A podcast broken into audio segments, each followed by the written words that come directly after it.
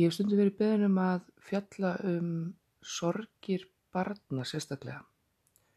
Um það hvernig börn sirkja og hvernig þau bregðast við í sorg, börn og ungmenni.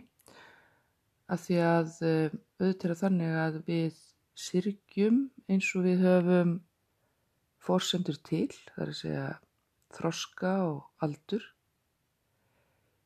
Eins og var það þannig að fólk held að börn bara væru ekki virkir sirkjendur. Að börn væru uh, kannski það ung og reynslu lítil og vissu lítil um lífið að þau hefðu bara ekki þroska til þess að sirkja. Og þess vegna væri ég best bara að halda þeim frá uh, sorginni eða döðanum og því sem að fullanafólki væri að fást við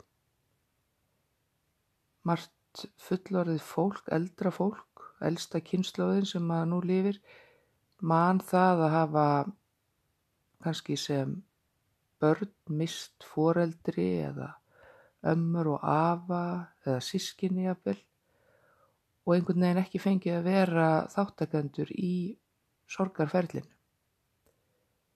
Upplifa það að einhvern veginn enginn begði sér niður og horfið í augun á þeim og og talaði við þau um það hvernig þeim liði. Og þetta er eitthvað sem að situr í fólki alla tíð og ég hef oft orðið verið við þegar ég hef verið að tala við eldra fólk. Og þá hef ég líka séð og upplifað einhvern veginn áþreifanlega hvernig óunnin sorg einhvern veginn bara festist uh, og verður breytist ekki einhvern veginn í fjársjóð eða eða bara í einhverja, einhverja góðar minningar innra með fólki heldur verður að uh, sársöka steini einhvern veginn inn í sálarlífi manneskunar. Og þannig á sorgin ekki þurfa að þróast. Það er bara þannig ef að fólk fær tækifæri til að tala um hana. Og börn þurfa þess. Þannig að um leið og við fæðumst inn í þessa veröld öðlunst við getur til þess að sirkja. Bara kvítúangurinn, unga badnið, hefur getur til að sirkja. Unga bad sem að myndi missa móður sína, myndi að sjálfsög ekki sirkja með sömu viðbröðum og eh, eiginmaðurinn eða vinir eða foreldrar eða sískinni. En unga barni sirkir einhver síður, það sirkir tengslinn við mömmuna það syrgir ilmin að mömmu, það syrgir eh, nándina, það syrgir brjóstið sem það drakk af, eh, það syrgir hendunar hennar mömmu sem að heldu utanum það, syrgir röttir hennar. Og syrgir náttúrulega öryggið sem það fann mest og best hjá mömmu. Og svo þegar að börn eldast þá auðvitað breytist uh, sorgin, þau verða meðvitaður um það að viðkomandi sé farin. En börn eru líka svolítið merkileg með það. Þau hafa þann merkilega og mikilvæga hæfileika að ná svolítið að skamta sér sorgin og afmarka stundina. Þau geta þess vegna að tekið sér pásupínlítið frá sorginni og beint aðtiklinni að einhverju öðru, einhverjum leik eða einhverju sem þeir eru að horfa í sjómarpinu eða einhverju sem þeir eru að gera í tölfunni eða bara spjalli um eitthvað annað. Og svo bara á næsta andartækið, næstu stundu þá hellist sorgin yfir þau á fullum krafti og, eh, og þá raunverulega sérmaður hvernig börn eru virkir sirkjendur, þau gráta og og uh, þú sérða að öllu þeirra atverðli að, uh, að þau finna til. Og það sem er náttúrulega flókið við það að verða fyrir missi sem barn er að sorgaferðli tekur jafnvel lengri tíma heldur en þeim sem er fullandir vegna þess að við hvert um, nýtt þroska stökk eða hvert nýjan þroska kabla hjá barninu um, sirkir það upp og nýtt. Þannig er það þegar kannski barn missir foreldri, segjum 6-7 ára og síðan er það orðið úlingur, þá sirgir það á nýjan hátt sem úlingur vegna þess að maður þarf örvísi á foreldri sín að halda sem úlingur eða sem 7 ára bann.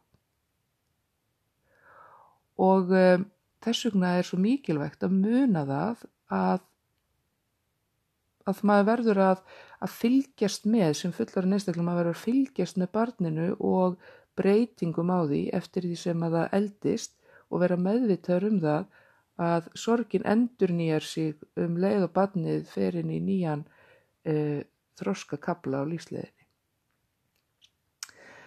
Uh, þau kannski tala ekki jafn mikið og við uh, um tilfinningar sínar, einfallega vegna þess að þau eru ekki með getu til þess, þau eru ekki með kunnáttu til þess. Og uh, þess vegna kannski segja þau líka hluti meira svona hrátt og beint um það hvað þau vantar og hvað þau sakna. Og okkur getur þótt að svolítið skrítið stundum að hlusta bönn þau velta kannski strax fyrir sér þú veist hvað gerist, hvað fæ ég ammaliðskjöf uh, fæ, ég fæ náttúrulega ekki ammaliðskjöf núna því að pappi er dáinn. Fæ ég þá stærri ammaliðskjöf frá, frá þér mamma og þau velta okkur svona hlutum fyrir sér sem okkur veist kannski sem fullan með einstaklingum ekki mjög mikilvægir uh, þegar að einhver er látin en þetta er barnið og uh, barsálinn og barshugurinn að sirkja og svo sorg er alveg stór og mikilvæg eins og okkar sem að erum að velta kannski fyrir okkur einhvern veginn floknari hlutum í tengslum við missin. Um, ég ætla að láta þetta næja akkurat núna en í næsta þætti þá held ég áfram að fjalla um sorgirbarna og hvernig við getum mætt uh, börnum og ungmennum í sorg og hvað við getum gert og hvernig sorg þeirra uh, byrtist oft öðruvísi heldur en okkar sem erum uh,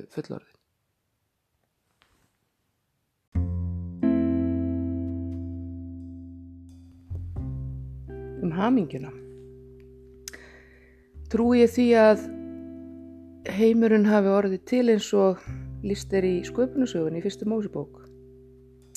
Nei, gerir það nú reyndar ekki.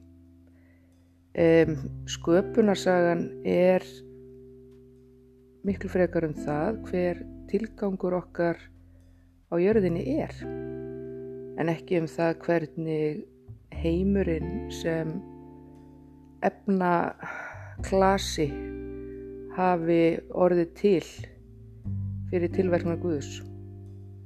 Um, ég veit ekki nákvæmlega hvernig heimurum var til, það er margar kenningar upp um það. Ég er heldur ekki trúslega áhuga sem um það. En mér er sköpunarsagan uh, frábær vegvísir uh, í áttað hamingjum.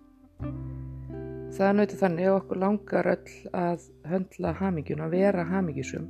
Veitur endur ekki hvort við getum höndlað hana beint en við getum unnið aðinni þegar maður er orðin, já, kannski svona færtugur eins og ég er núna, þá er maður svona sennilega, ef allt er með feldu, búin að segja á því að það er ekki að færi annars fólks að gera mann hafmyggju saman.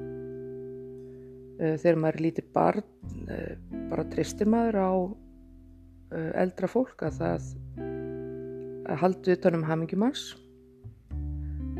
passu upp á það að maður sé hafmyggju samur með því að sinna grunnþörfum og, og öðru sem maður þarf á að halda.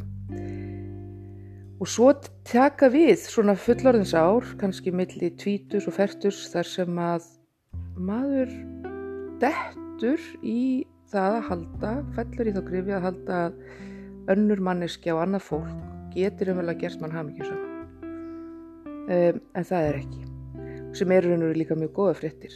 Það er svona lettirinn við það að verða fullorðin þegar maður fattar þetta.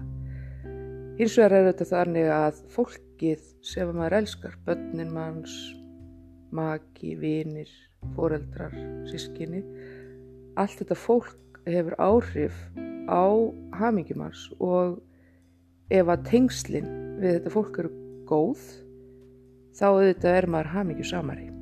Það er alltaf ljóst.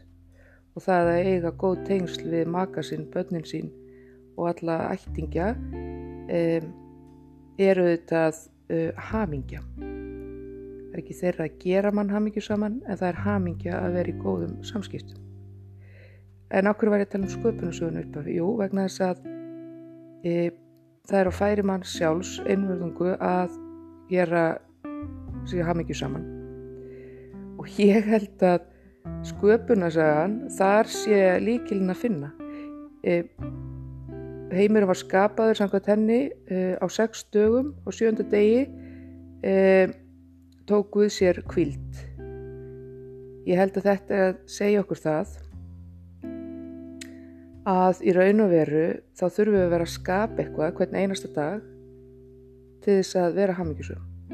Kanski allt í lægi, taka sér frí frá sköpuninni einn dag í viku. Sapna kröftum, sapna upplýsingum, lesa, verið samskiptum. Og, og allt þetta sem við þurfum til þess að, að fá bensín á bílinni ef við getum orðað þannig á, á hugan og sköpunargáfana hína dagana hefur við að vera að skapa.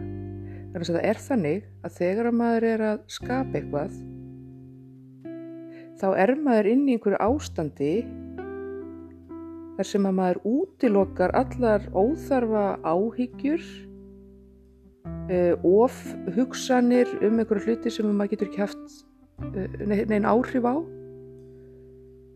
Uh, maður hefur ekki tíma til þess að vera að rýfa sér niður. Maður Eh, er í styrkleika sínum að því maður er að búa eitthvað til þegar maður er að skapa eitthvað, maður er að búa eitthvað til þá er maður í styrkleika sínum og þá er maður auðvitað hamingisamari eh, að því hamingin eru auðvitað að, að hafa sjálfströst eh, búa yfir styrk og dett ekki í ofhugsanir og kvíða og, og óþarfa áhyggjur talandu ekki um bara áhyggjur af framtíðinu sem við getum ekkert, við vitum ekkert hver verður.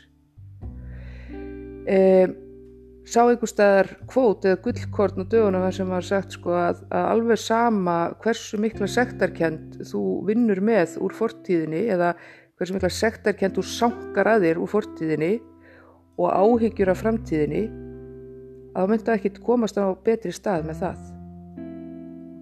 Þetta er flott. Ef þú ert að skapa þá ferðin í ákveði dáleisla ástand þar sem þú hættir að hjakkast í fortíðinni og, og sektarkendinni yfir henni og ávíkjónum yfir framtíðinni.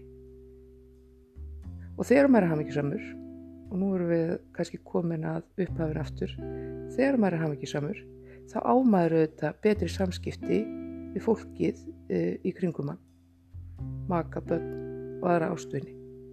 Og þannig ekst hafmyggjum hans. Fyrir mér er þetta hamingja.